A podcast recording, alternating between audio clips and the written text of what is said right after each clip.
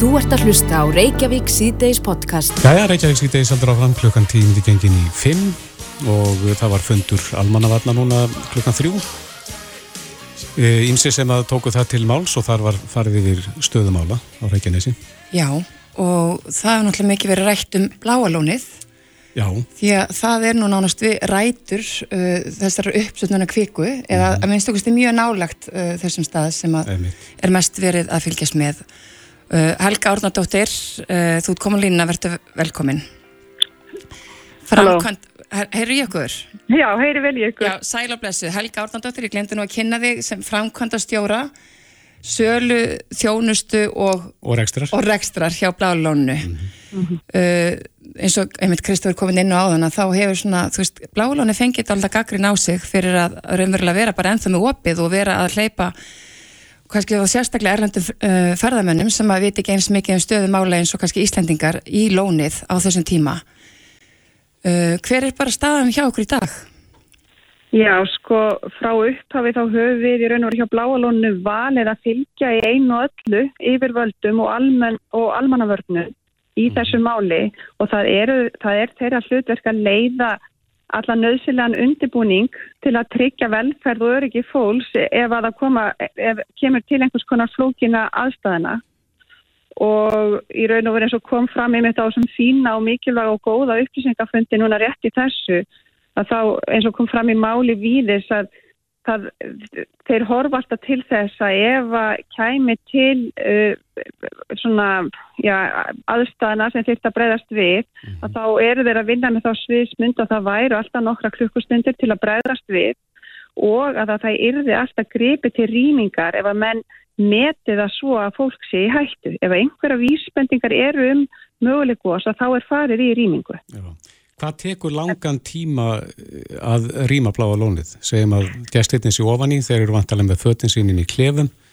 Já, við erum búin að auðvitað uh, fara í gegnum þetta allt saman og við erum í raun og veru búin að skipta okkar svæði í tíu minnisvæði og þar eru rýminga fulltrúar og, og sem að myndi þá uh, fylgja viðkomandi svæðum eða fólki á viðkomandi svæðum út. Uh, við myndum alltaf ná að, rýma innan nokkra klukkustunda eins og við er talaðum að væri svona verið að horfa til í þessari sviðsmenn. Á hvað lengum tíma sé nokkura klukkustund? Er þið með það eitthvað Já. nákvæmara? Já, við allavega teljum okkur geta reynd mjög hratt og örugla í raun og veru innan klukkustundar sko. En, en eins og ég bara ítrekka þar og mikilvægt að komið fram að sviðsmynd almannavarni er svo að það eirði gripi til ráðstafana þannig að menn hefðu nokkra klukkustundir til að bregðast við ef þurfa því. Verður þú vörfið ókta hjá starfsfólkinu ykkar? Já, ymmit eins og kom aftur fram á þessum fundi hjá hann Fannari Jónssoni bæjarstjóra í Grindavík að þá er alveg ljóst að það er ákveðin svona, já, svona ákveði óöryggi hjá mörgum og hjá okkur líka starfsmennu síðlægi þeim sem að búa í Grindavík. Það er auðvitað mikið búið að ganga á og kannski að sumuleiti hafa skilaboð verið óskýr og menn átt erfitt með átt að sé á raunverulegri stöðu og þess vegna einmitt og fögnum við gríðarlega þessum fundi í dag og vonandi verða þeir með reglubundnum hætti til þess að svona sé hægt að kjarna stöðuna hverju sinni. Það sem að við gerum svo er í raun og veru og við erum að leggja sem sagt, mikið í það eðlilega að fókusera og taka utan um okkar starfsfólk og vinna með þeim í svona að undirbúa mismunandi sviðsmyndir. Við erum með öryggisfulltrúa, við erum með fræðslefni, við erum með auðvitað þessar rýmingar áallanir og, og, og, og slíkt. Við erum að vinna með sérfræðingum á hverju sviði og, hérna erum að reyna þetta, vinna, vinna þetta eins vel og hægt er og, höfum reglulega svona hermunaræfingar eins og við kvöllum það þar að segja förum yfir mismandi sviðsmyndir með okkar öryggisfulltrúum sérstaklega sem myndir þá leiða rýmingu hvers væðis fyrir sig. Hafið þið æft rýmingar? Já, við höfum gert það og við gerðum það síðast í lok síðast ás, sem sagt svona alvöru rýming.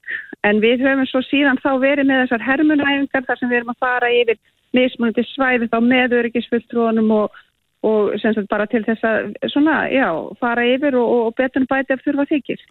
En ef það eru starfsmenn sem að treysta sér einfallega ekki stöðuna vegna að mæta í vinnu, er það ekkur möguleiki fyrir starfsmenn að koma fram með svoleiðs óskir og, og fá þar samþyktar og jafnvel að vera þá launum samt sem áður eða Já, já, sem við er svona mikil?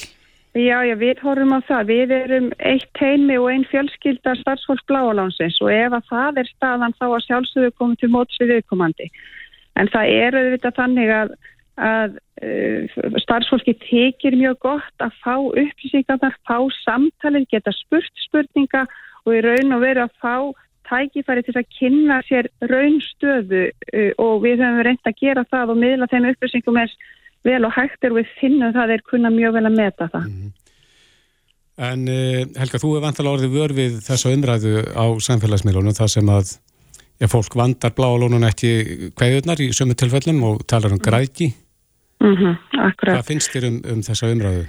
Já, ég get ekki verið þetta sammála því, sko, eins og ég sagði kannski upphafið, við höfum bara valið að fylgja almannavördum, fylgja yfirvöldum sem að leiða í raun og veru uh, þess að vinna alla saman og við vitum að þeir muni grípa til ráðstafan ef við þurfa þykir.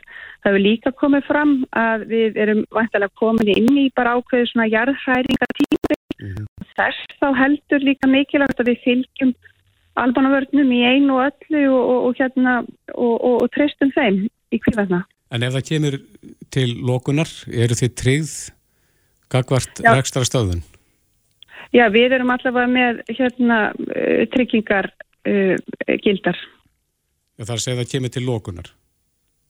Já, ég, ég þekk ekki nákvæmlega hvernig tryggingarskilmárar okkar eru. Ég, ég þekk ekki nákvæmlega en við erum allavega einhverju letið trygg. Já. En mér langar að að spyrja bara aftur hérna út í sko, erlendu uh, ferðamennina. Hvernig upplýsið þið ferðamenn sem að koma í blá og lóni í dag? Hvað segið þið nákvæmlega við þessa ferðamenn? Er þeir upplýstir um að sé mögulega gós uh, sem að gæti hafist innan einhverja klukkutíma eða, eða hvernig upplýsið þessa ferðamenn? Já, við reynum svona að nota sama orðfæri og kemur fram á, þarna, frá veðurstofunni á veður.is til að reyna að tala sama, sama tungumál en svo er þetta að segja. Mm -hmm. Sem er hvað? Við, við, við, við þá notum við eins og til dæmis að það eru jarðhræringar á svæðinu og við auðvitað upplýsum þá að ef til kæmi að fyrsta rýma þá ættir að fylgja sem sagt fyrirmælum starfsmann og þá eru við þá með ákveðin starfsmann sem væri þá þessi öryggisfulltrúi. Uh, við tölum við alla starfsmenn sem, sem koma í hús. Við erum líka núna að senda á alla okkar endursölu aðeila til að upplýsa þá sem allra best Og, og svo erum við að bara reyna að setja upplýsingar í alla skjá og svona, við erum að vinna bara í að reyna upplýsa sem allra allra best en það er alltaf alveg klárt að, að metnaður nokkar liggur í að tala við hvern og einn einslega þegar hann kemur í hús. En, en, en eru Íslandingar hættar að mæta? Það er nú þannig að Íslandingar hafa verið hérna, mikill minni hluti af þeim sem að koma og heimsækja okkur og ég hef nú ekki tölur um það en ég hef ekki fundið fyrir því að það er eitthvað breyst sérstaklega. Hvað koma margir í bláa lónið daglega? Það eru auðvitað rosalega mismunand eftir vikudögum og mánuðum og svo framvegis en svona kannski þessa dagana núna eru kannski yfir daginn, var að segja kannski svona óábyrgt en svona 2000-2500 manns. Já. En segð mér hvernig líður þér að vera að vinna þarna á þessu svæði undir þessum kringustæðum? Sko, mér líður mjög vel að fylgja almannavörnum mm -hmm. og ég legg fullt tröst til þeirra. Við erum með auðvitað gríðarlega mikið sérfræðinga teimi og ég vil bara segja á heimsvísu sér í lagi hvað varðar jarðfræðingar. Þeir eru að leiða þessa vinnu og við vitum að, og þeir horfa til þessara sviðsmynda að verði tími til að bregðast við mm -hmm. og að þeir munu aldrei sko efast neitt. Það verður gripið til rýmingar ef að menn meta það svo að það sé mögulega uh, einhver hætta uh, sagt, uh, svona fyrirleikjandi. Já, mikið hjá ykkur. Þá, það er ekki eins og kom fram þarna líka fyrir ekki að gripið fram fyrir þér, eins og kom líka fram á fundinu, þú veist, það verður ekki beð eftir eldkósi sko. Það, það var mjög gott líka bara að heyra það og við bara leggjum fullt tröst til þessara miklu sérfræðing og vandara hérna manna. Verðið þið verfið stjáltana? Hefur hrist mikið hjá okkur? Já, við verðum verfið það. Það reynda búið að vera rólegt núna um helgina og, og, og núna sem sagt síðustu daga svona. Uh, já, já, og við svo sem búin að vera að finna fyrir þeim á síðustu árum í raun og veru já. og við hreinlega erum bara að gera ráð fyrir því að það verði það sé svona kannski á einhverju leiti líka nýr veruleiki bara mm -hmm. verðandi komin inn í svona jarðfæringa tímabill. Einmitt, Helga Ornadóttir, frangvandastjóri Sölur Ekstrar og þjónustu hjá Bláalóninu. Takk kærlega fyrir spjall. Þú ert að hlusta á Reykjavík C-Days podcast. Áframhöldu við Reykjavík C-Days, það byrtist grein hérna á vísi.is í dag með fyrirsögninni við krefjumst uppsagnar Sælabankastjóra.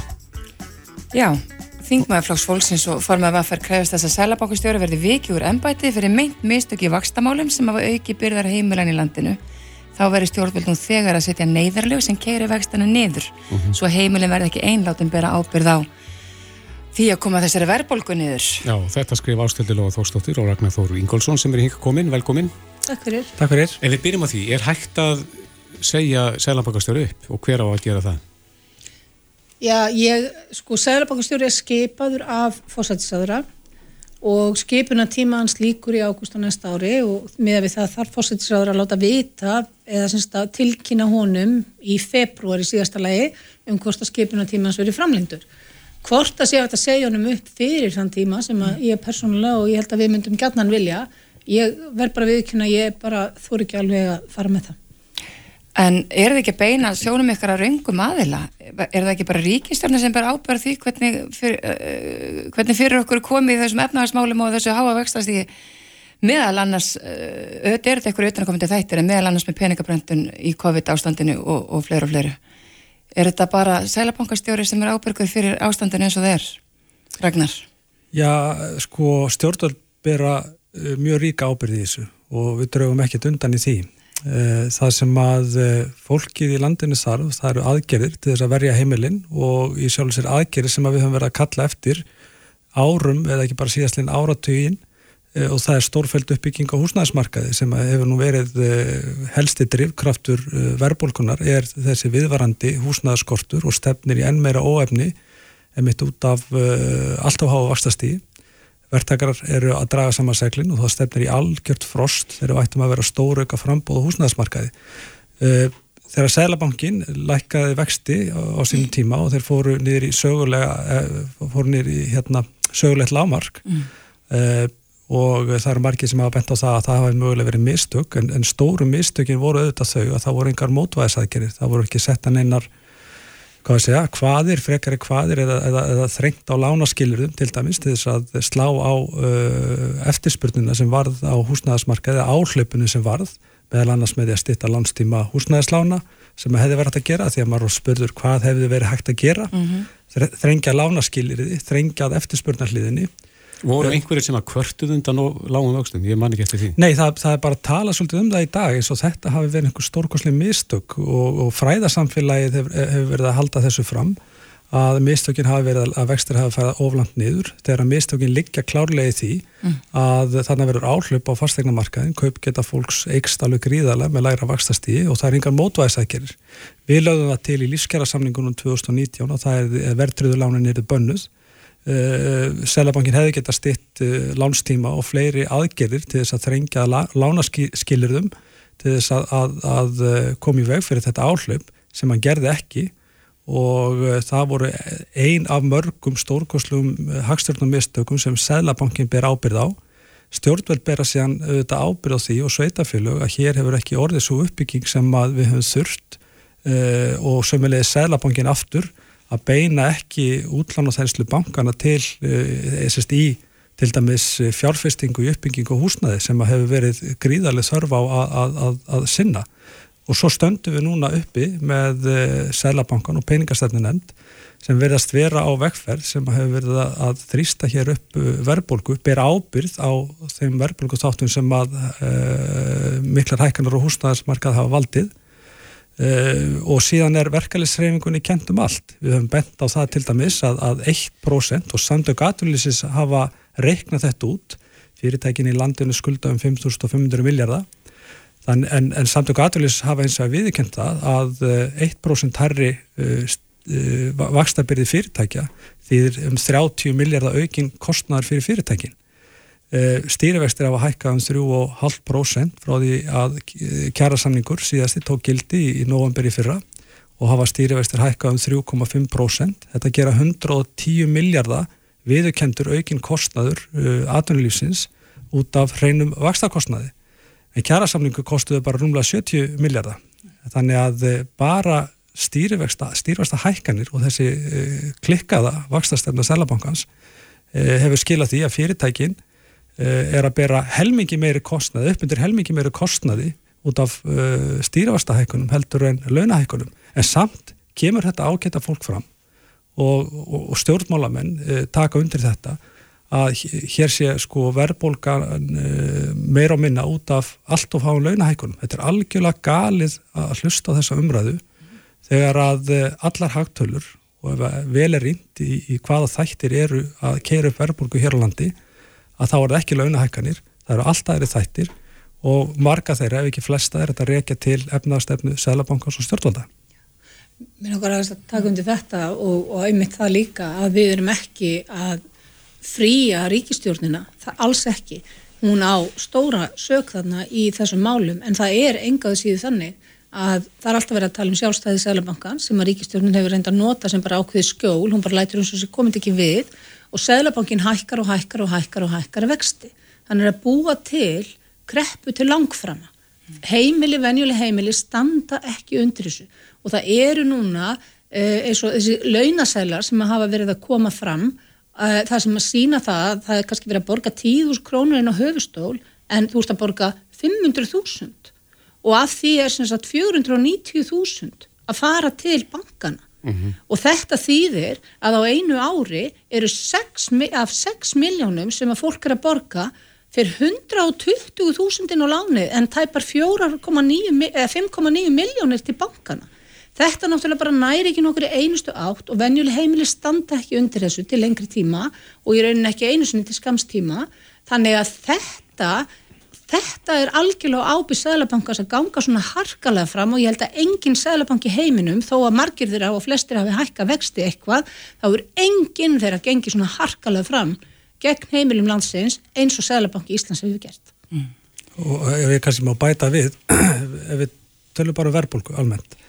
Í 10% verðbólku þá hækkar uh, kostnaður heimilisins, uh, ef hann er 100 skall þá bara, er svona einfallstæmi Uh, hérna uh, um, um, um 10.000 krónur ferur 100 ást í 110.000 ef, ef kostnaður heimilis er 500.000 þá fer hann úr 500 í 550.000 þetta er kannski pínu einföldun en að, vin, en, en, en, að en að ganga fram og, og, og uh, telja það sem laust mm. kasta hér fram 150 upp í 300.000 króna auka byrði á hverjum einasta mánuði á heimilinn til þess að ná niður uh, kostnaður eitthvað upp á 10-50 þús krónur er náttúrulega bara fyrir það fyrsta algjörlega galið og er ekki á nokkur nátt verjandi. Uh, Hvað á Sælabankin að gera? Þú veist, af því að það er oft talað um að þetta sé eina, eina stýritæki sem að Sælabankin hefur til þess að bregðast í verðbólku. Sælabankin hefur mörg tæki til þess að, að kæla niður hagkerfið Eh, en það er ekki sama hvað þú ert að eiga við. Mm -hmm. Þetta er mhm. bara eins og ef þú beinbrotnar eða, eða far skurð á ennið eða, eða alvarlegan sjúkdóm eins og krabbaminn, þú notar ekki sko hóstasaft til þess að lækna þetta allt. Mm -hmm. Þú notar mismunandi aðferði til þess að lækna eh, sko mismunandi sjúkdóma. Uh, og það sem að, til dæmis, við veitum það að, að ferðarþjónustan hefur verið að kera hér upp, upp þenslu. Stýrifasta hækkanir vinna ekki á því. Eh, það er engin áhrif á hvort að þýsku ferðamæði kemur til lands eða ekki. En hins vegar er það að geða það í gegnum skattkerfið. Eh, varandi húsnæðismarka En þá eru við komin aftur á ríkistjórninu sko, já, já, ég, ég, er það, já, ég er að segja það.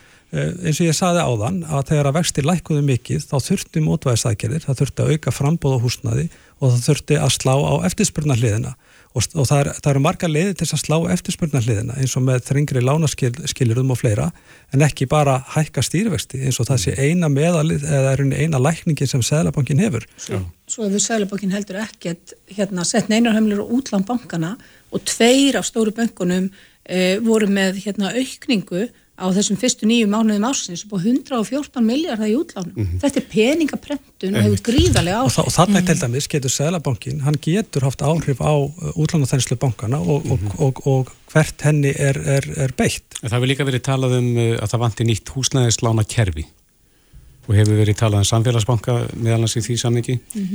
Uh, liggur rótin þar það er að segja þessi kostnárauki fyrir heimilinn þetta eru vantarlega stærstu hluta húsnæðislánin sem er að hækka sko, húsaleg og slíkt. Það er náttúrulega, við erum bæði, við höfum bara gegn verðtryggingunni og verðtryggingin er alveg gríðalegu skadvaldur í svona, í bara í hagkerfinu mm. almennt, á þess að ég ætla að fara nánar í það núna. En er komið tími til þess að uppbyggsa húsnæðislána kerfið upp á nýtt? Já, það þarf til dæmis með því, það þarf að afnema hana algjörlega, það þarf bara að gera það. Það sem að enneflega vegna þess að þegar 45% lána heimilana eru verðtryggð, þá finna þau heimili í rauninni ekki fyrir þessum vakstahækkunum þau eiga eftir að finna fyrir þessu síðar. Já, en þau finna ekki fyrir þessu núna þannig að þess vegna það líka hækka vextina meira. já, Þetta er auglið sem lausnin á þessum vandi í dag já, er, þetta, er, þetta, er, þetta er eitruð pilla svo það sé bara sagt. Mm -hmm. er, Já, bara eins og ástæða kemur inn á að, að þá er það bara verðist vera yfirlist markmið Sælabankás að, að reka nánast Eh,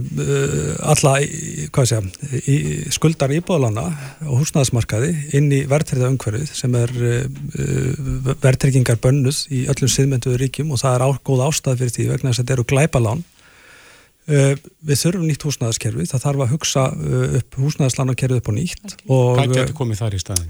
Já, við höfum verið að horfa til dæmis til danska kervisins, uh, það er mjög gagsæra og... Er það ríkisreikið? Uh, nei, það er ekki ríkisreikið en, en það er uh, byggt upp á allt öðrum fossundum heldur en það íslenska. Uh, kerfið sem við erum í hér er náttúrulega sko, mjög ógagsætt og, og fólk sem er til dæmis að, kaupa sér eða taka lán, það horfir aðalega út frá greiðslubyrði fyrsta seðilsins mm -hmm. en ekki svona heldar kostnaðar eins og, eins og ætti að gerast Uh, Þú þarfst að fá ykkur til að lána peninga með lagri vöxtum?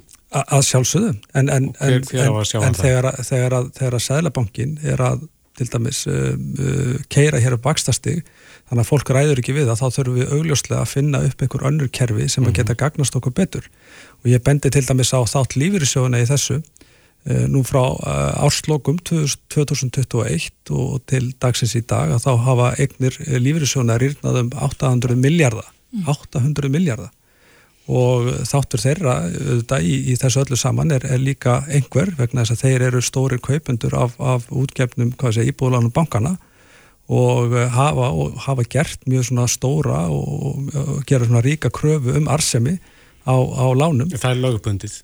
Nei, það, já, það, það, það er viðmið, eh, lífriðsjóð þarf ekki að, að fara fram á 3,5% raunávostun, þetta er bara svona uh, viðmið sem að heildar eignasatni þarf að skila til þess að þeir geti staðið við sín lofvort.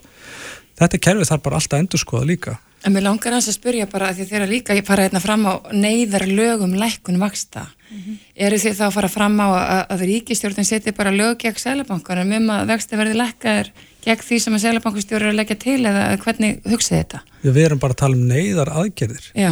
neyðar aðgerð uh, sem að uh, þarf vegna þess að það stefnir í svo mikið óefni uh, viljum við sjá uh, sambarlega þróun og gerist hér í eftirmálun hrunsins þegar um 15.000 heimili ef, ef ekki meira, annað 2.000 heimila fóru bara hér í, í þrótt mm. Stefnir það í þetta að vika mati ef, ef þetta gerir, heldur áfram? Það gerir það algjörlega og klárlega, það stendur enginn undir þessari vakstabyrði og það sem Sælabankin er að gera núna, hann er að þrýsta fólki yfir í verðtriðulánin sem eru náttúrulega eitraðu kóktel, hann mun uh, uh, stoppa og komið veg fyrir eignamyndun hjá fólki og geta upp eigifið sem hefur myndast í, í, í fastegnum fólks á tiltölu á skömmun tíma.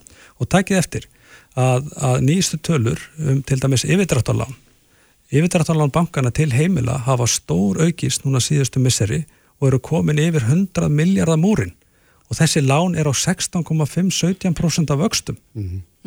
Hugsið ykkur. En það sem má það benda... Fólk var sett í fangilsi fyrir, fyrir þetta, fyrir, eða dæmt fyrir þetta fyrir ekki svo mörgum árum eða áratum síðan. Þetta er alveg galið. Já. Þetta er raunverulega ástandið, þetta er alveg galið. En ég verði einhvern veginn að segja svo er, svo hlusta maður á okkur einna á þessu umræða hún á sér stað trekki, trekki, trekki, trekk og, og nú erum við komin í þetta, ég held að það sé nú langt síðan við höfum verið í þessu vakstastíði sko. Mm -hmm.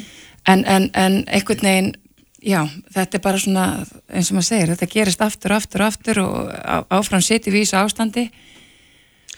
Þannig að þú veist, maður er einhvern veginn svona yppur aukslega með verið svolítið saman, sko, ég... hvað, hvað er hægt að, gera og, nú komið þið með þetta og það er sælabankastjóri og, og neyðarlegum þetta, svo er talað um verðtrygginguna og það er talað um gældirinn okkar sem að hérna sjálfstæða litla gældirir Hva, hvar liggur hundurinn grafin í þessu öllu saman mér sem við erum að takast á við? Mér finnst hundurinn sko að mörg, ef ég ætti að nefna eitthvað eitt mm. það er sko þá er hann að mörguleiti þar að allt kerfið þú veist, Sælabankin, Ríkistjórnin og allt það, hún setur alltaf þarmi, þarfir fjármálakerfisins, þess að bankana, í forgang.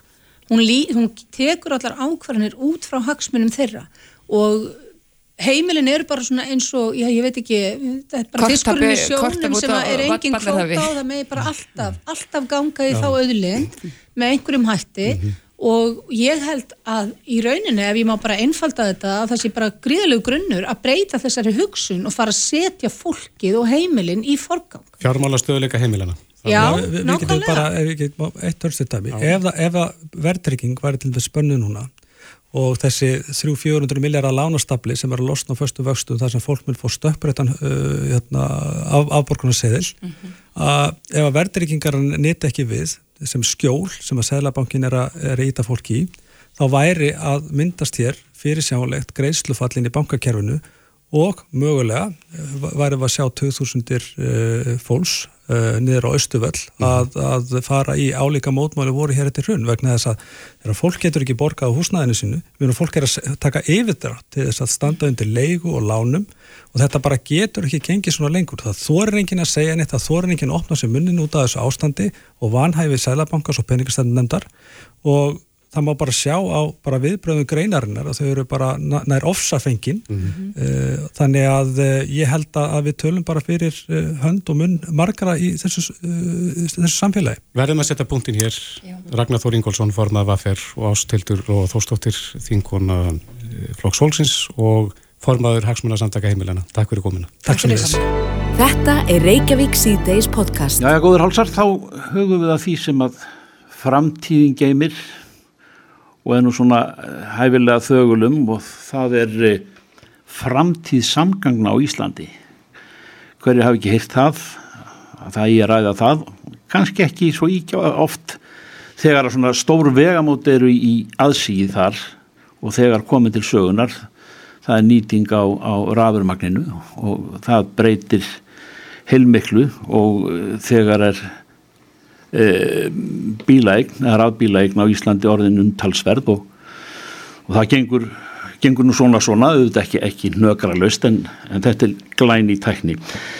E, Sittum hérna til bors með, með e, því ágæta fólki sem að fyrir þessu stendur hér, þessu, þessari rástefnum sem ber þetta stóra heiti framtíðsamkvæmum á Íslandi. Þetta, þetta er rástefna sem er öllum opinn og, og það er alltaf að vera sér út um miða held ég en þá.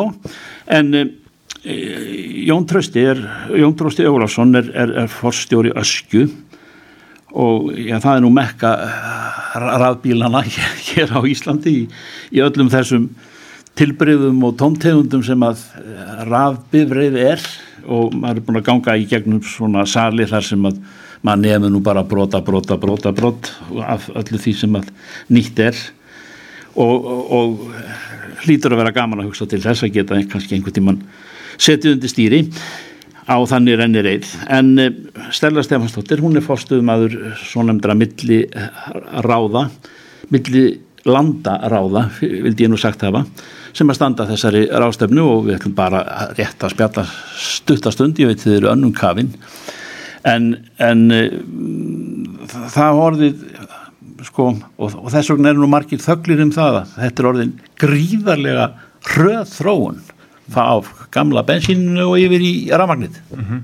Já það er út að segja það og við minnum snert á því að rástafnuna morgun að, að þessi, þessi stóra rástafna sem að, að verður vel sótt annandra mannsnú þegar skráðir mm.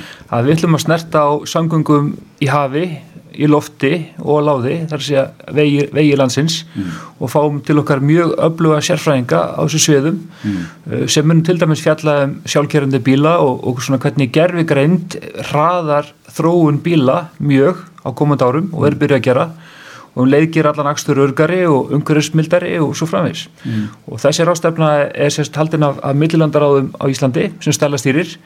Og, og við bara gerum á fyrir frábæri rástefnu Stæla, eru við aftarlega á meirinni þessari sko, teknilega eða eru er, er menn að koma heimsækja okkur að því að við erum svo fjandi klár og þetta er allt komið og klappa á klárt hjá okkur Okkur finnst viðfangsefni áhugavert og, og mikilvægt að horfa til framtíðar mm. í þessum málum af því það er svo ör þróun uh, sérstaklega hvað bíla var, bílana varðar að, að það er vera að taka inn gerfigreint og, og við erum að tala um sjálfvakandi bíla og við þurfum að, og höfum áhuga á að fá bara einn helsta sérfræðing veraldar á þessu sviði uh, til þess að leiða okkur í, í, í hérna, sannleikanum hvað er framöndan og, og við getum þá setta upp í samengi við Ísland og íslenskar aðstæður hvort að við séum tilbúin til mm. þess, er við að kerfið okkar tilbúin, er við tilbúin fyrir sjálfvagandi bíla? Mm finniði fyrir eh, forvittni, er, er, eru tíðar komur manna sem eru að, auðvitað þarf maður að skeignast um í mhm. bílasölum og, og bara ég vittna aftur til ferðar minnar hér um, um salina að, að sko e, segi mér það að ég er í, algjörum barnaskóla í þessu mm -hmm. en það er ekki dóðilegt, það er margt nýtt og mjög spennandi framöndan. Mm -hmm. Já, við finnum fyrir miklum áhuga bara almennings á, á þessu öllu saman og, og eins og hann Ralf sagði sem held hérna rástöfnu fyrir tíurum síðan í Íslandi þá sagði hann að á, á næstum tíu árum er meira gerast í bílum heldur en hefur gest á hundra ára þar undan og, og fyrir fimm ára síðan eða tíurum síðan voru að tala um rafbílavæðingu sem núna er bara eila orðin næsta stóra skref er umvel sjálfvirknivæðing bílana mm. og, og, og til að byrja með verður, það örgla þannig að bílanir munu þurfa aðstóða aukumanna öllulega divibyrjum auðvitað ábyrða bílun sem, sem aukumæður en, en, en margir þeirra sem aðgum á nýjum eða nýlegum bílum í dag finna uh, nú þegar fyrir alls konar tækni sem hjálpar þeirra að gera aksturinn örgari eins og skilja, lesa línur og fjalla næsta bíl og svo framvegis mm. nú síðan næstu skriða verður örgla þannig að, að bílar munu þurfa eiga geta samskipti við, við bæi og borgir sagt frá hver eru umferðarnútar, hvernig getur við leist á, hvernig fyrir framhjáðum, hver eru laus bílastæði, hvar þarf vegurinn á viðhaldi að halda, þannig, þannig, þannig, þannig að sjálfgerðandi bílar og tæknir allir kringum þetta, að hún mun gera líf okkar aukumanna miklu skemmtilegra og einfaldara og, og svona aksturinn hraðirkari. Mm. En maður meða við Íslandi í dag og, og, og svona til ámar í hausnum á manni sko mm íslenska auðvægkerfinu er nú oft bölvað og, mm. og núna þegar þú ert komin á góðan ramaspíla þá, mm þá, þá er það þá hæfir ekki vegurinn svona fítni rennireið mm -hmm. Já, við sann sko íslenska vegkjæri, þetta er mjög umfóngsmikið og stort og þetta eru 13.000 eitthvað kilómetrar en það eru kannski eins og, eins og sem er að benda á, þá eru þessi vegið sem við notum hvað mest, kannski 4.000 kilómetrar mm. að, að þessa vegið þarf auðvitað að uppfæra og gera, gera þannig að, að, að þeir geti talað við bílana og, og, og seint svona allum sínum helstu hlutverkum mm -hmm. og hérna ég held að jú, Ísland er auðvitað á, á sínum veffer og við erum komið mjög framalega innviðavæðingu, innviðir byggjast hratt upp mm -hmm. og ég samferðum það að bara með samhæntu átæki, nú að fara að rukka ákveði krónutölu gælt fyrir axtur til þess að ebla vegasmangungur og það er mjög mikilvægt þessi peningar þeir rennir raunverulega í það verkefni að byggja mm. begina að því að við þurfum vegi sem getur talað við bílana mm. og stutt við stutt fólki sem er, sem er að ferðast um mm. maður er alltaf að bera þetta saman við, við útlendinga ég meina uh, vegakerfið og, og, og hlutfall rafbíla í öllum flotanum. Er þetta, er þetta komið svona jæmt jafnblant á þeim stöðum þar sem að þú þú þekkir til? Já, ég myndi segja Ísland, Ísland er, er, er kannski landum með 2 til 3 í Evrópu og eftir Núri, hvað var rafbílaveðingu Uh, maður sér uh, skráningatölur í Evrópu rýsa hratt og, og ég tel kannski svona ef maður fer aðeins í pólitíkin að, að stjórnsvöldi að ganga full geist í skattlagningu rafbíla þegar skattlagja meira en dísil og bensibíla en, en, en Ísland er klálega land sem áverum rafbíla á eitt. Við erum að framlega græna ásku hérna í miklu magni mm -hmm. og, og við erum sennilega markanum með tvö eftir núri í dag. En, en við getum gert betur og, og ég held að innan nokkur ára verða, verða allir seldi bílar rafbílar á Íslandi það mun gerast hraðar heldur en margur heldur Já, þú spáir því? Ég spáir því, ég meina, í dag er þannig að 70-80% af öllum einstaklingum er að velja rafbíla og við sjáum eh, fyrirhugu kaup snúa í áttuna rafbílum mm. þeir þurfa hins vegar að verða ódyrari og, mm. og aðgengilegri fyrir fleiri og, og það er að gera stratt og við munum sjá framslu kostnað rafbíla lækka á komandi árum mm. og úrval aukast þannig, þannig ég, ég samferðum það ég er svona nokkuð vissum að árið 2027-8 að þá myndi ég gíska svona 90-95% öllum skráðanbílum verða reynir ræðbílar mm. Og landfræðilega eh, erum við nokkuð heppin með að eiga rafmagn bara út í gardi hjá okkur? Við hefum mikið að rafmagni og, og, og, og ræðbílar hins vegar þurfi ekkit endilega það mikið rafmagn af heildinni mm. þarna flotin er, getur við getur knúan áfram á tiltölulega lillur rafmagni með margt annað en við spurum á samtíma innflutt olju þannig að klálega getum við, getum við gert það við þurfum vantilega eitthvað að virka meira vindi eða sól eða einhver öðru mm -hmm. Ertu saman á mér í því að, og þið að, að svona þetta er náttúrulega nýtt á nálinni, það er að segja það eru nýjir siðir í kringum rafbílin, ný efni og ný mhm. tækni og, mm -hmm.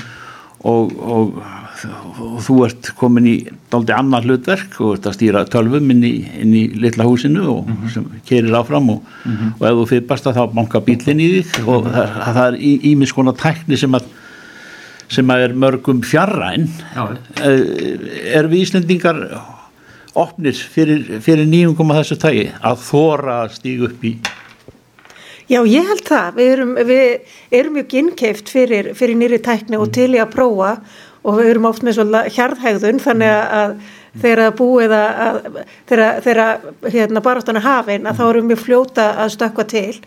Og hérna, en ég held einmitt að við þurfum bara meiri upplýsingar. Hvernig er til dæmis að keira sjálfvagandi bíla í erfiðum vetraraðstæðum á Íslandi? Og fyrir okkur sem erum bara aukumennin og ekki sérfræðingar á þessu sviði þá er þetta einmitt eitthvað, eitt af því sem verður ávarpað á, á ráðstöfninu á morgun. Mm -hmm. Erum við á eftir eða undan í rafbílavæðingu nú liti bara yfir allan heiminn? Við erum undan, við erum klálega svona einn af toppmörkuðum og, og ég held að við verðum örgla líklega fremst með normönum á komandi árum til þess að ræðbili veðast að fullu.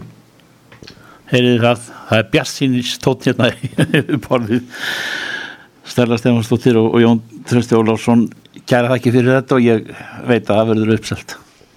Já, takk, takk sem við leiðist Þetta er Reykjavík C-Days podcast. Velkomin. Takk fyrir. Já, Það er ótt að segja, það skjálfur ekki bara jörð á Reykjanesi, það er, er ástand í efnagsmálunum Já. Og þú ert tekinn við eh, erfiðum málaflokki. Ef við byrjum á því, bara hvernig líst þér á blikun að vera komin í þetta ennbætti? Þetta er náttúrulega allt annars konar verkefni. Mm -hmm. uh, og reyna á svona aðra þætti í manns karakter, mann álgast öðru í sig, þetta er, þetta er svona, þetta er bara mjög ólíkt en þetta er hrigalega áhugaverst og stórverkefni og það er svona, þetta er áskorun að koma inn í ráðniti þegar, þú veist, allt er bara á full swing, það, það er bara, maður kemur inn og þarf að hlaupa svolítið hrætta á hlaupabrættinu, allir aðrir áþrar eru bara í sínu og tempoð er bara eins og það er Um, og margt þú sem að það er að læra hratt en ég náttúrulega hef setið í ríkistjóðin bráðum sjö ár þannig að það er, sem, það er ekkert sem kemur óvartaninni en það er ímislegt sem að það er að lesa sér til og skilja alveg betur á dýftina. Er þú að vinna eftir planið sem að Bjarni lagði upp eða er þú að setja þitt marka á Sko ég myndi náttúrulega segja að ég væri að setja mitt marka á embati bara eins og ég, ég hef hingað til gert og ég vona stjórnmálminn almennt leggja áherslu á að gera En auðvitað er það þannig, ég menna ég kem inn og þú veist fjárlega frumarpið er komið inn til þingsins, það er búið mæla fyrir því, það, það þýðir að þar eru til að mynda fósendur sem bara verður að fylgja eftir. Og getur ekkit bara allt í hennu sagt nei ég hef reyndar alltaf aðra skoðun að því þá ertu bara búin að setja hluti uppnám sem væri óábyrgt að gera. Mm.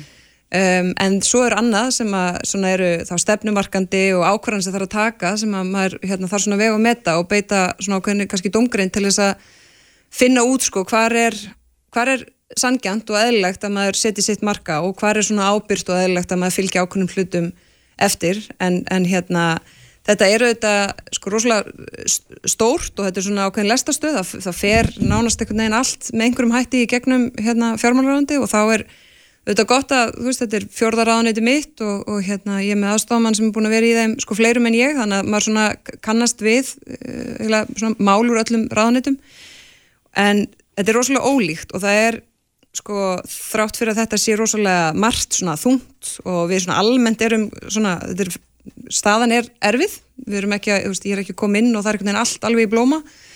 En á móti má segja að það er ákveð svona, það er alveg valdeblandi að koma svolítið svona heim og hugsa, herðu, þú veist, þetta er allavega að mestu leiti í okkar höndum hvernig þetta tekst.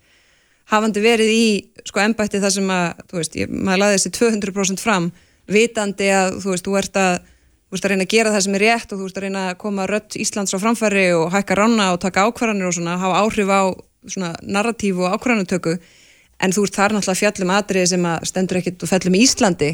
Þú veist hvað Ísland gerir, hvernig, hvernig hlutinni þróast. Mm. þannig að þar hafður þau endanum svo miklu minna að segja þú veist fyrir mál sem þú, sem þú brannst fyrir sko.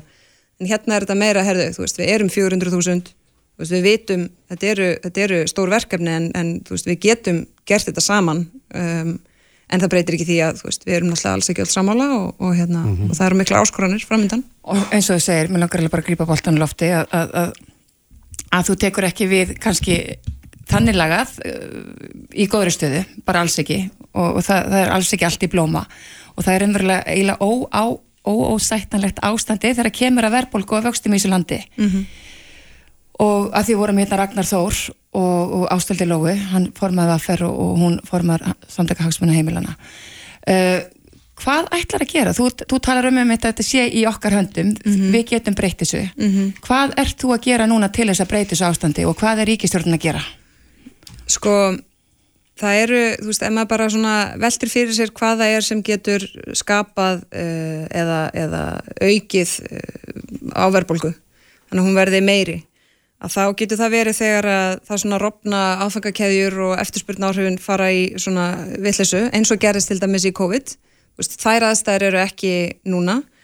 Um, það hvernig laun þróast það hefur áhrif. Það er að segja að ef, ef við erum að hækka laun umfram framleinina um, að þá, þá, þá, þá ítir það undir verbulgu og hún verður meiri það er ekki mín skoðun að því ég er sjálfstæðismæður, það er bara hagfræðin segir okkur það og þannig er það mm. En það er ekki um, bara það sem hefur verið að gerast hér alls ekki?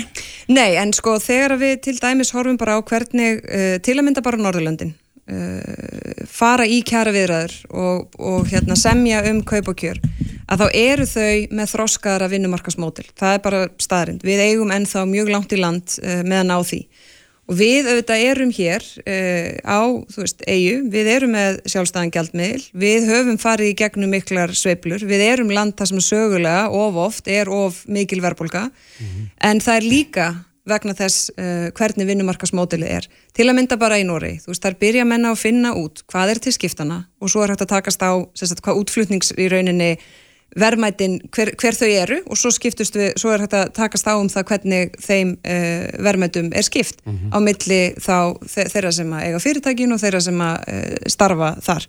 Þetta höfum við ekki verið að gera. Við höfum gert meira uh, í núna nokkur skipti í rauð og á endanum þá þurfum við öll að gera það sem er ábyrgt og skinsamlegt og jú, það kann að, veist, því mun alveg fylgja einhvers ásöki og vandin er að það verist, ég menna við, við finnum það alveg, það er ekki nægilegt tröst á aðalum vinnumarkaðarins, uh, ríkistjórn, seglabanka, mm -hmm. verslunar og þjónustu, það er einhvern veginn við bendum hvert á annað og það hjálpar mjög lítið sko. Ég verði aðeins að koma inn á viðtal sem var í bítin í morgun. Mm -hmm. Már Volgang Miksa, dósend í viðskiptafræði Háskóli Íslands og Kristín Erla Tryggvadóttir viðskiptafræðingur mættu. Eh, þau eru sérst búin að rekna út hversu lengi það tekur fólk á leikumarka að sapna fyrir útborgun íbúð. Mm -hmm. Það tekur einstæðamóður tíu ár að sapna fyrir útborgun íbúð, tíu ár með því að lifa vatni og núðlum. Er, er þetta, þetta bóðlegt? Nei, sko... Er, er, er skrítið þó að fólk krefist herri launa til þess að láta endana saman og, og láta dæmi gangu upp? Nei, ég held að sko, eh, ef við horfum bara á það sem hefur að gera stundafarin ár, að þá höfum við sammælstum, þar segja bæði þá aðelar vinnumarkaðarins og ríkistjórnin hefur stutt við það, meðal annars með breytingum á tekjuskattskerfinu, þar sem við horfum sérstaklega á tekjulegstu hópana. Þannig að þau sem voru með herri tekjur, þau voru ekki greiða minni tekjuskatt heldur en áður, en tekjulegstu hópanir gera það í dag. Það var okkar aðkomað því til þess að auka í rauninni ráðstöfuna tekjur, tekjulegstu hópana, mm -hmm. forgangsröðu við tekjuskattsbreytingu þannig að þau myndi njóta uh, þeirra umfram aðra til þess að lifta þeim. Sömulegis hafa aðalega vinnumarkaðin sami þannig um krónutöluhækkanir þannig að tekjulegstu hópanir hafa í rauninni hækkað laun sín hlutfastlega meira heldur en aðrir. En, raun... en burt sér frá því bara að, að, að þetta ástand sé núna svona eins og þetta lagt upp? Þarf ekki að breyta húsnæðislána kjærfin á einhvern nátt? Já sko, það sem að, þarna aftur er þetta margið þættir, ég minna það þarf að vera nægt frambóð af íbúðahúsnæði, það þarf að vera nægt frambóð af þeim í byggingu. Við þurfum að einfalda það hvernig við byggjum húsnæði og um það eigum við sko nokkur hundru tilögur sem við fórum í að vinna með OECD sem hafa bent okkur á hvað getum við gert til þess að einfalda, auka skilvirkni og lækka byggingakostna. Það er ekkit eitthvað sem við gerum einum degi en þessar tilögur hafa leið og við þurfum að fara grúndut yfir þær og kanna með hvað hætti við getum gert það. Er, er svo vinna semst framöndan? Sko, ekki svo, bara borðin eitthvað tilhör heldur er þið farin að vinna eftir þessum tilhör? Sko við fórum í þessa úttækt og tókum fyrir semst ferðarþjónustöðanarsvegar og byggingageiran hins vegar uh, og þegar að þetta var samkjömsmálinn heyrðu undir mig með ferðamálum öðru og við fórum í þær breytingar sem snýraði að ferðarþjónustunni eitthvað hefur verið gert í hinnu þetta á heima í nokkrum mismunandi ráðanitum en það er, það er, það er mikil vinna eftir og það væri að mínu mati mjög til bóta að við færum í það. En hvað finnst þér um útryk, þennan útrekning að þetta taki einstætt fóreldri tíu ár að sapna fyrir fyrstu útborgun í Já, það, það eru er þetta mjög hérna, þung staða fyrir þann hóp og það sem við höfum séð, við höfum farið í rástafanir eins og það að geta sett inn hérna, sérregnarspartnað inn á lánin en það sem hefur gerst er er það ekki að duga? Nei, sko, það sem, það sem hefur gerst, ég meina veggurinn sem þú þarfst að kljú, klífa eitthvað neinn til þess að komast inn á fastegnamarkaðin, mm. hann hefur ekki verið eins hár og hann er núna í mjög langan tíma. En í þessu, eins og bara í held ég öllum öðrum svona efnaðslegum áskorun sem að blasa við okkur, að þá er aftur lang, lang stærsta hagsmunumálið og okkur raunverulega takist mm. að ná verðbólkunni niður ja, og þar með vöxtum. Þú varst að bera hérna, okkur saman við Noregáðan, mm -hmm. það er þess að vinnumarkasmótelið. Mm -hmm. Er, er lánamarkaðurinn svona þar, veistu til þess? Ég sko, ég held að... Sko, Verðum við ekki að bera okkur saman við þessi lönd sem við berum okkur saman við að öllu leiti? Jú, alg, algjörlega, algjörlega og ég, ég meni, ég, ég myndi, ég vil að við séum uh, með samanbörð við Ímist Norðurlönd eða svona uh, löndin sem við almennt berum okkur saman við bara í öllu, alveg sama, alveg sama hvað það er. En ég held bara að hérna, við náttúrulega höfum líka verið að auka úrræði, hvort sem það eru með hluteldarlánum, mm -hmm. stoppframlegum og núna sjáum við, menn það eru þær íbúður sem eru að seljast, það eru þau sem eru með hérna, hluteldarlánum, sem að síðan er gaggrínt að sé einhvern veginn að íta undir, undir verðbólgu. Og þetta er orðið svolítið öfugsnúið. Þegar að við sko sjáum hérna, byggingu íbúða til að mynda fara niður út af vakstastíðinu og við segjum já ok, þá eru vakstahækkanir er að blífa, þetta er að virka En það sem að fylgir því þá er að frambúða výbúðum mun ekki aukast nægilega hratt af því að okkur er bara að fjölga svo hratt sem að á óbreyttu mun þá bara auka sveiflunum þegar það er að kemur. Þess vegna segi ég að það verður líka, sko það verður ekki sásöka löst að komast á þann stað að verðbólgan fari niður, verði minni og að hérna vextir geti lækað. Sko mér langar aðeins að koma inn á þetta aftur að því að þú eiginlega svaraði ekki alveg spurningunni sem ég spurði þið fyrst, hvern, mm -hmm. hvern, hvað eru þið að gera til að ná vextum niður? Þú fórst eiginlega mm -hmm. bara í að Já. tala um vinnumarkaðin Já. og hvernig hann var að spila í nýtað yes. en það er bara alls ekki bara, það er bara ekki hægt að Nei, kenna ekki. bara eh, vinnumarkaðin um það að verðbólgan sé á leiðinu upp og hafi farið upp með þessum hætti. Nei. Þannig að hvað, hvaða, hvaða leiðir eru þið að fara til þess að það, það takast á við verðbólguna? það sem hefur verið uh, lögð höfuð áhersla á af hálfu ríkisvaldsins eða stjórnvalda er að það sem við getum gert er að til að mynda afgreða fjárlög þannig að séu, þau séu ekki verðbólgu kvetjandi að þau séu ábyrga því leita að við séum að skila uh, við séum að ekki að auka útgjöldin sem því nefnur, við séum að skila aðhaldi og núna mun reyna á þegar fjárlögin eru komin fram þar sem við erum með aðhald sem er svona lámas aðhald þannig að þau getur talist hlutlaust þannig að þau séu ekki að íta undir verðbólguna. En auðvitað koma síðan alls konar eh, beðnir og það er kalla eftir því að við mætum hinnum og þessum vandanum. Og þau geta verið sko verkefni sem eru bara mjög til góða og bæta hérna, lífskeiði fólks í landinu en, en það kostar. Og það er þá spurning að ætlum við að halda okkur innan þess þeirra marka að geta sagt að fjárvitingavaldið og stjórnvöld afgreði frá sér fjárlug fyrir næsta ár sem að styðji við það markmið að verðbólgan læki. Ef við gerum það ekki þá finnst mér það óábyrgt gagvart okkar hlutverki, því það er, það er sannlega okkar hlutverk. Síðan þegar kemur að hérna, kjara viðræðin, þá er það auðvitað uppistöðu til aðalega vinnumarkaðins að semja. Hins vegar vitum við, og þannig hefur það verið, að stjórnvöld koma að því að loka metrum með eitthvað sem getur hjálpað þessum aðilum að komast að einhverju samkominnlegi. Það er ein hugmynd sem hefur komið upp hérna frá uh, meðfloknum. Mm. Það er að mhm. lækka virðsökkaskatt eða afnema virðsökkaskatt á matvæli. Það myndir svo sannlega koma tekilægstu hópunum til góða og, og eins myndir það læka verðbólguna? Það alltaf alls ekki læka verðbólguna. Akkur ekki? Af því að þú myndir, þá væri ríkið að hætta að taka til sín 30 miljardar og myndir setja þá 30 miljardar út í hagkerfið og þá verður það 30 miljardar meira í fleiri krónur sem væri á sveimi í hagkerfinu. Það er bara ekki að það spara með einhverjum, að að þetta er bara matvara, þetta er ekki sko, einhver svona lúksusvara sko. Nei, en sko, við, ef, við, ef við myndum, sko, það að taka virðsökkaskatt að matvælum, uh, í mínum huga er algjörlega afleitt hugmynd. Uh, það er... Uh, Af hverju? Vegna þess að hún er verðbólkukvetjandi, vegna þess að... Hvernig? með því að setja út í hagkerju 30 miljardar sem að núna eru ekki inn í hagkerjunu heldur eru teknir inn í, inn í ríkisjóð. Ef þú, ef þú eigur neysluna þú skila tilbaka 30 miljardum sem eru þá varið í eitthvað annað að þá, þá það, það eitt og sér ítur undir verðbólguna. Síðan er það þannig að þau sem að hæstar hafa tekjurnar verja flestum krónunum í matvæli. Þannig að ef við myndum vilja, það að vilja mæta þeim sem eru tekjulegstir þá er það að afnema vask á matvæli mm. ekki skilvirkasta legin vegna þess að þau sem hafa meira á milli handana, þau eigða meiri peningum í matvæli mánuð heldur en þau sem hafa minnst á milli handana. Þannig þá er þetta í rauninni, þá er það eftirgjöfgakar þeim sem eiga hafa mest á milli handana og verja miklu fleiri krónum í alls konar matvæli á mánuði heldur en þeirra sem eru tekju uh, lagstir. Þannig að þú ítir þessari hugmynd alveg út á borðinu? Já, ég ger það. Mm -hmm. Ég er ekki alveg að skilja rökin hérna, en hérna, ég þarf bara að, að, já, bara að reyna að melda þetta. Þetta myndi líka hafa það í förmið sér að nesluvísitala myndi lækka og þar er leiðandi myndi þá lán fólks lækka. Já, sko, við náttúrulega erum með hérna, e, þessa aðferð við að reikna út vísitölu nesluvers og það eru ákveðni þættir þar sem að hafa verið til skoðunar hjá hagstofunni sem að ímsir uh, innan og verkefælsefingunum meðal annars hafa bent á að við ættum að gera með öðrum hætti og víða annars þar er það gert með öðrum hætti. Uh, ég er sjálf þeirra skoðunar. Það er að minnst okkar umhugsunarverst að sjá og það hvernig við reiknum vísutölu neysluvers mm -hmm.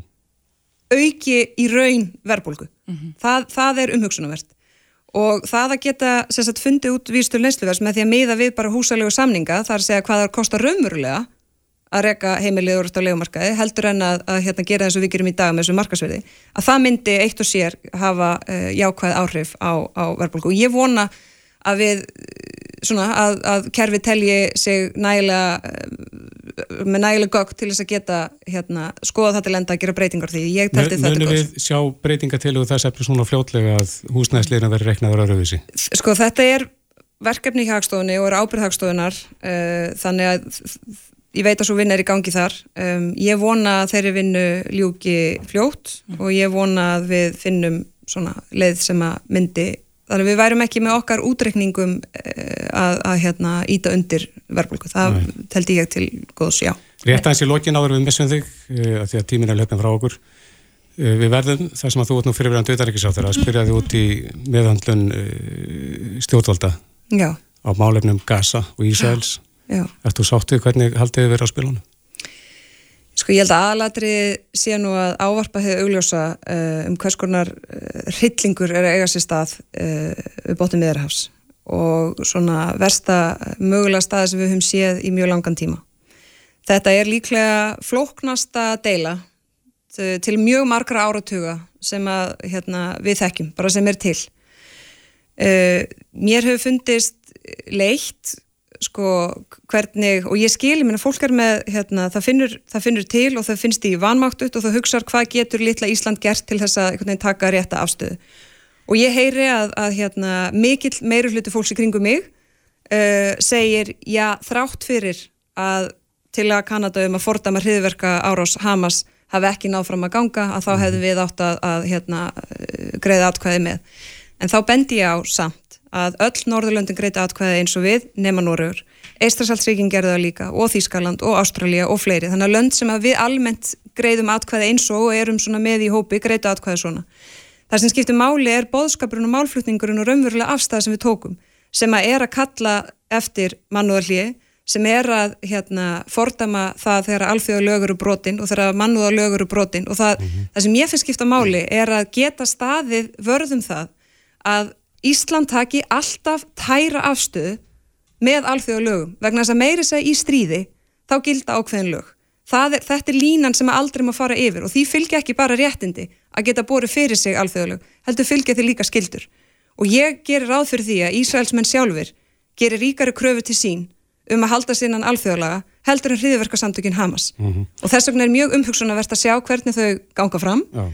og þau, hérna, eh, hvernig þau tala. Mm -hmm. Uh, en það sem að á endanum skiptir máli er afstæðan um að það sem við erum að kalla eftir er í algjöru samræmi við það sem að, að við hérna, almennt tölum fyrir og okkar líktengjandi uh, félagar, vinur og bandamenn gerðu hér sama. Og rétt aðeins í blálógin nú likur fyrir þinginu þingsállutuna til það sem að grafist verður uh, vopnalés mm -hmm. tveir þingmenn vinstri græna eru flutnismenn þessara tilu stiður í slíka tilu að það veri kallað eftir vopnalí? Já, ég, ég skilst nú að það séu all nokkrar uh, þingsáldunum tilugur í vinslu sem að munu byrtast uh, á alþingi og ég veit ekki hvernig þær á endanum munu líta út uh, en, en heyrði í dag að, að formaði viðrisnar talaði um að leggja fram í rauninni algjörlega samhljóma álugtun og var fyrir hérna, saminuðu þjóðunum með viðbótinni sem við settum sem fórsöndu þar að mhm. segja að hriðverka samtökin Hamas væri fordæmt fyrir sína árás. Og stiðust líka til þú? Slík tillaga er í raun, þannig við hefðum greitt atkvæði með en ekki setið hjá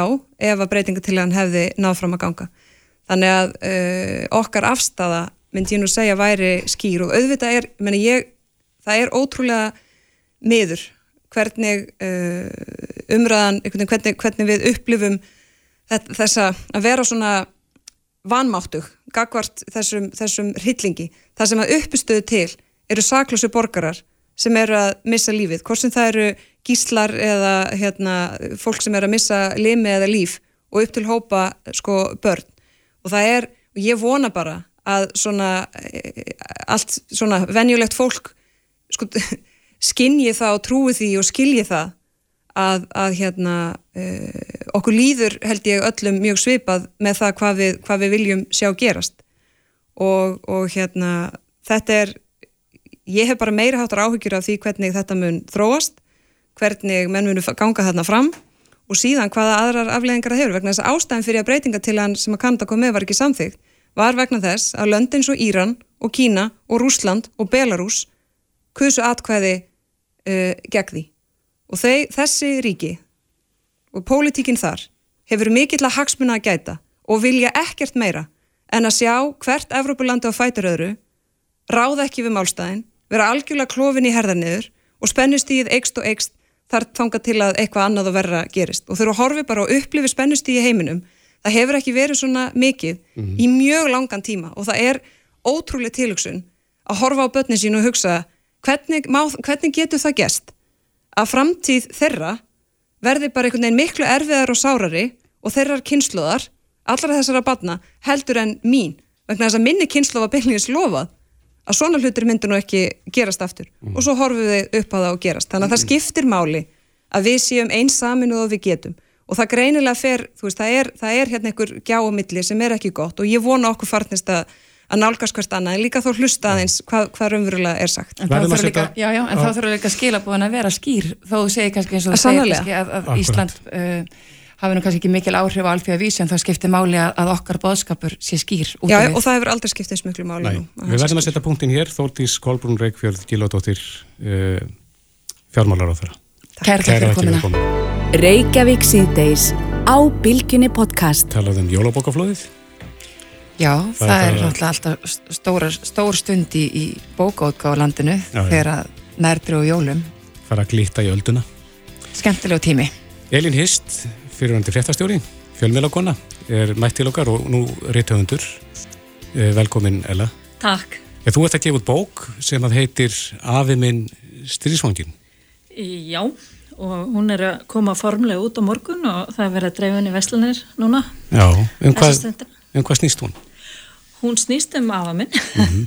eins og titillin gefur þetta kynna og það var nú bara þannig að, að hann er, var þýskur ríkisborgari fættur í Þýskalandi og kom hingað, e, fluttist hingað til að leita sér að vinnu. Kom hann með hýrst? Já, hann er sérstaklega fyrsti hýrst mm. á Íslandi ah, já, það og þa þann höfum við fengið þetta nafn ákvöndur hans. Uh, en svo gerist það að hérna, styrjöldum brýst út og, mm. og, og um, breytar gera um, já, taka Ísland herskildi uh, 10. mæi 1940 og, mm. og þá náttúrulega var það fyrsta verk þeirra að leita upp í alla þýska reykísborgara. Hvað var hann að gera á Íslandi þá? Þá var hann, er, hann var mentaður velsmiður og var bara að vinna við það. Uh -huh. mm. En þetta, eins og þú segir, þetta hafði bara öll þessi atbyrðar ás hafði svo mikil áhrif síðan á þá sem komu síðar og bara fjölskyldunni yfir leitt. Hvað var það svona sem að uh, gerða verkum að þú fóst að, að skrifa þessa bók og einhvern veginn að, að grafast ofan í öll þessi gömlu mál?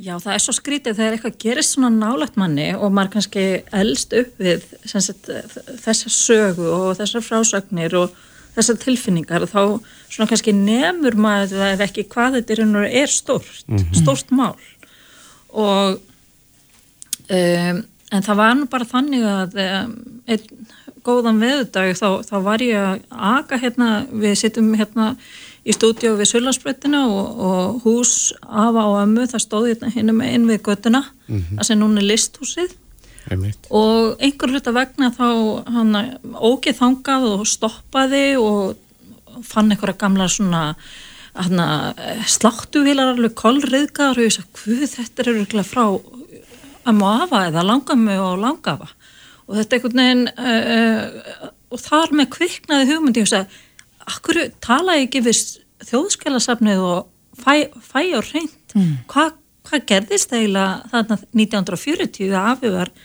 tekinn til fanga. Þekktur af að þeim, kynntust honum? Mjög vel, þetta mjög vel og við krakkarnir vorum þannig mjög mikið, hann var alveg einstaklega barngóður og, og þólinnmóður og góður við okkur allan hátt Var ekki mikið talað um þetta? Nei það var ekki gert Skammaðast hann sín fyrir þetta? Nei, nei, alls ekki en hann svona var frekar til hljés mm -hmm. mm. sérstaklega eftir hann kom úr fangabúðunum Var hann búin að stopna fjölskyldi þegar hann er handekinn? Já, þau, hann var sérst búin að giftast ömmu, kynast ömmu og þau voru búin að... Sem að vera íslensk? Íslensk, kona, mm -hmm. já, giftast íslenski konu og ömmu minni Þóru Mörtu, Hirst, Stefansdóttur og hún sem sagt, þau áttu saman tvo lilla stráka. Þegar hann var tekinn í fangabúðunar? Og hvað var hann lengi í þessum fangabúðum og hvert fór hann? Hvar voru þessar fangabúður? Já, þessar fangabúður voru á eiginu Mön í Írlandshafið. Það var Mön er eiga þar sem að breytar fóru til að sóla sig og þetta er svona Mallorca þess tíma og um, þetta er svona sumar hérna leifis uh, staður og þarna voru bara hótelunum öllum breytt í stórar hérna, fjölda um, fangabúður fangabúður, já. Mm. Og þarna fóran var farið með hann og fleiri íslenska þjóðverja eins og ég kýsa að kalla þá. Og þarna voru þeir í fimm ár Já. en vistin var uh, það var breytar fóru alveg mannsæmilega sæmandi með þá þeir fenguð þokkalega að borða og fengið að vinna og náleikandi búndabæjum þegar framleiðu stundir mm -hmm. en þeir eru búin alltaf fangar En hafði þetta einhver áhrif á fjörstilduna hans sem að hér var eftir? Já, það hafði mikil áhrif. Hvað áhrif? Já, nú verður þið bara að lesa. Getur ekki sagt okkur eitthvað? Næ, þetta bara var mjög erfið tími. Þetta var mjög erfið tími á meðan á þessu stóð. Mm -hmm. Og svo kemur hann heim eftir fimm ár? Nei, hann kom nefnilega ekki heim fyrir hann eftir sjö ár. Áhverju ekki? Að því Íslensk stjórnvöld vildi ekki taka móti þessum mönnum aftur. Þráttur eða ættu hérna heimili og fjölskyldur og börn. Og þetta verður mikið tráma fyrir alla? Þetta var mjög mikið tráma og ég lýsi því í bókinni hvernig þetta hefur mm. haft áhrif alveg fram á þennan dag og það er sérst, og, og ég kannski fer ansinn næri personunum og, og enganlegum málum skulum við segja. Komst en, að miklu sem þú vissir ekki áður og, og hvernig einhvern veginn tók þetta á þig að já, skrifa bókina? Já, ég komst að mjög mörgu við þarna, sem ég hafði ekki gert mig grein fyrir áður Nei. og margt sem skýrðist líka fyrir mér hérna svona hvernig afi var og, og hvernig amma var líka sko, hún mhm. talaði miklu meira um þetta eldur en hann og ég man að hún talaði sjálfnast um þetta þegar hann heyrði en, en oft talaði hún um þetta sérst, þannig tíma og, og Láði þetta þungt á henni? Þetta lág mjög þungt á henni, já mm -hmm. Og svo náttúrulega börnunum þeirra sko sem að, Já, að voru föðulegs eftir þau voru föðulegs og þessi tveir drengir, fæði minn og bróður hans pappi minn myndi svona ólögst eftir pappa sinnum hann var fimm ára þegar hann var handekinn en bróður hans yngri hann var bara á öðru ári og sagt, mm. hafði þekkt ekki pappa sinna aftur þegar hann kom, kom aftur til Íslands mm -hmm.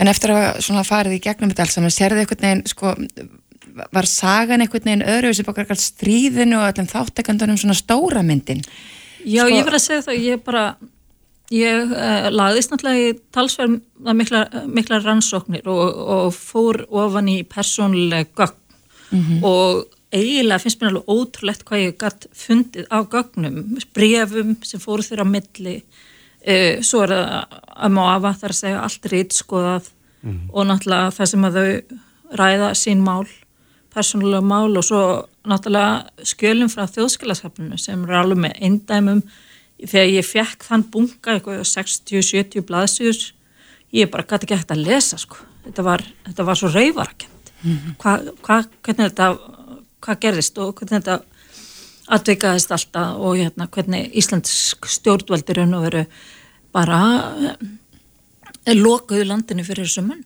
mm -hmm. mm. Höfðu þau um eitthvað að velja með Ísland hersetið? Uh, Íslensk stjórnvald? Já, sko, þá er þetta að minna 1940. Já. Nei, ég myndi segja að þetta er það sem gerist í stríði. Mm -hmm. Þetta er nákvæmlega það sem gerist í stríði, að, að það verða, verða svona, já, það, það, það ég, ég hef alveg skilning á því að, að mann eru hrættir við uh, hérna það að hér uh, leynist njósnarar nazista þetta 1940 og eru þið hrættir við það? Akkur er hann handtekinn? Þó hann sé þjóðverja á Íslandi já, allir, ekki í stríði? Já, voru þjóðverjar allir þjóðverjar sem ríkisborgar þíski ríkisborgar Skipti ekki máli? Voru, nei, þeir voru handteknir, bara allir nánast Saklist fólk? Já, og margir sagt höfðu bara engin einstu tengsl við nazismann og um, Já, og þar að meðal var afi. Sko. Já, þar að meðal hann, ég ætlaði að spyrja, ég menna mm -hmm. það var ekki eins og þeir hefðu grunaðan um eitthvað tengsl við. Nei, en það voru bara allir grunaðir Já. og það er eins og Kristófur segir, þetta er svona ástand sem skapast í stríði. Mm -hmm. Að það er einhvern veginn, það er, þú veist, það er, já, það er... Já, en Elin, þú kemst síðan yfir bref sem að fóra á milli ömmuðinar og afaðins á þessum tíma, voru þetta ástabrif? Þau uh, voru mjög kærleiks uh, rík brefin, já, mm -hmm. mjög kærleiks rík. Og hvernig var að lesa þau svona löngu síðar? Það var bara notalagt, sko. Já. En maður alltaf fann í gegnum það sem þau voru að skrifa, þú veist, söknuðinn og, mm. og amma var alltaf bara, eins og ég segi, einstæð, hann lokaði rinni, hann hafði ágjur af þeim, því hvernig þeim vegnaði og og þetta var, eins og segja, þetta var bara fjölskyldu, mikið fjölskyldu drama. Hvernig var fyrir þig að skrifa um þetta? Hafði þetta áhrif á því tilfinningarlega síðan? Já, það hafði það og hefur. Ég, mm -hmm. En ég er nokkuð ána með bókina Já. og um, ég til dæmis hef getað leitað í smiðjur sakfræðinga sem kunna miklu betur að segja þessar sögu sem sagt Uh, varðandi hertöku, hertöku eða hernám breyta, það, það er að segja Dr. Þóður Whitehead professor, eða professor emeritus mjög fróður um já, hann er tíma. náttúrulega bara sá sem er mest sérfræðingur af öllum mm -hmm. hann er núlega á Íslandingum og síðan Snorri G. Bergson sérfræðingur já. sem hefur ranns, rannsakað þessi mál mjög vel og ég gætt sleitaði í þeirra smiðjur og þannig að það styrti mig leið sko, mm. þannig að þeir voru með svo mikið mikilvægum upplýsingum sem ég þurfti á að halda. Hvað kom þið mest á óvart skrifbókarinnar? Já, ég hugsa að komið mest á óvart hvað í raun og veru já, hvað já, bara það, það var reyna svo margt sem kom mér á óvart en sérstaklega náttúrulega fannst mér kom mér ávart hvernig Íslands stjórnvöld höguðu sér mm -hmm. Uh, líka þegar Afi kom heim hann var breyttur mm -hmm. og ég lísti því í bókinni sem sagt og mörg hjónabönd sem að hérna þarna voru í allilinni þau, þau, þau þólda ekki þetta áleg mm -hmm. að hjón væri aðskilin í sjö heilár En þú segir að hann hefur verið breyttur á hvaða leiti? Já, ég ætla bara að láta lesendur aðna mm. sjá það komast í bókinni komast að því í bókinni, já já og ég segi mjög hérna frá því mjög opin ská, skáan en samt vonandi skiljinsríkan hátt mm. En þú segir að stjórnvöld er þetta ósatt við það hvernig Íslands stjórnvöld handlið að því að þetta, þú ert að tala um eftir stríð sem sagt, þegar hann á að koma heim Þegar hann kemur þegar þeir eiga að koma heim þá og vilja komast heim til barna og, og einhverna þá er landinu lokað Mm -hmm. Og og stríðið er þarna búið? Stríður, stríðinu er lokið mm -hmm. og bæði bandarækjumenn sem voru hérna með hérna, hernaðar aðstöðu og brettar sem að uh, voru með þá í fangilsi þeir bæði yfir, yfirveld þessara landa sögðu við Íslands stjórnvöld auðvitað takið að móti þessum mönnum. Mm -hmm. En það gerðu það ekki? Nei. Og þá voru þau sendir aftur til Þískjalans það sem er ríktið mikið hörmungar ástand. Já. Áhugaverð saga. Og þessi bók, er hann komin út? Já, hún er að bara um það bila koma út. Ég hugsa að þessi byrjaði að dreifinni í, í Væslanir. Komur á brentun? Uh mhm. -huh. komin úr prent, Mhm. komin úr prentun og lítir óskaplega vel út og við ekki rafa væntum þessa bók og við ætlum að halda svolítið útgáfu teiti á morgun og þannig að þá svona, verður henni hérna, fyllt úr hlaði formlega. Já, Einlega til hafmyggjum með þessa bók, Elín. Takk, takk. Elín Hist, reytöfundur. Já. Takk Já, fyrir kominu. takk.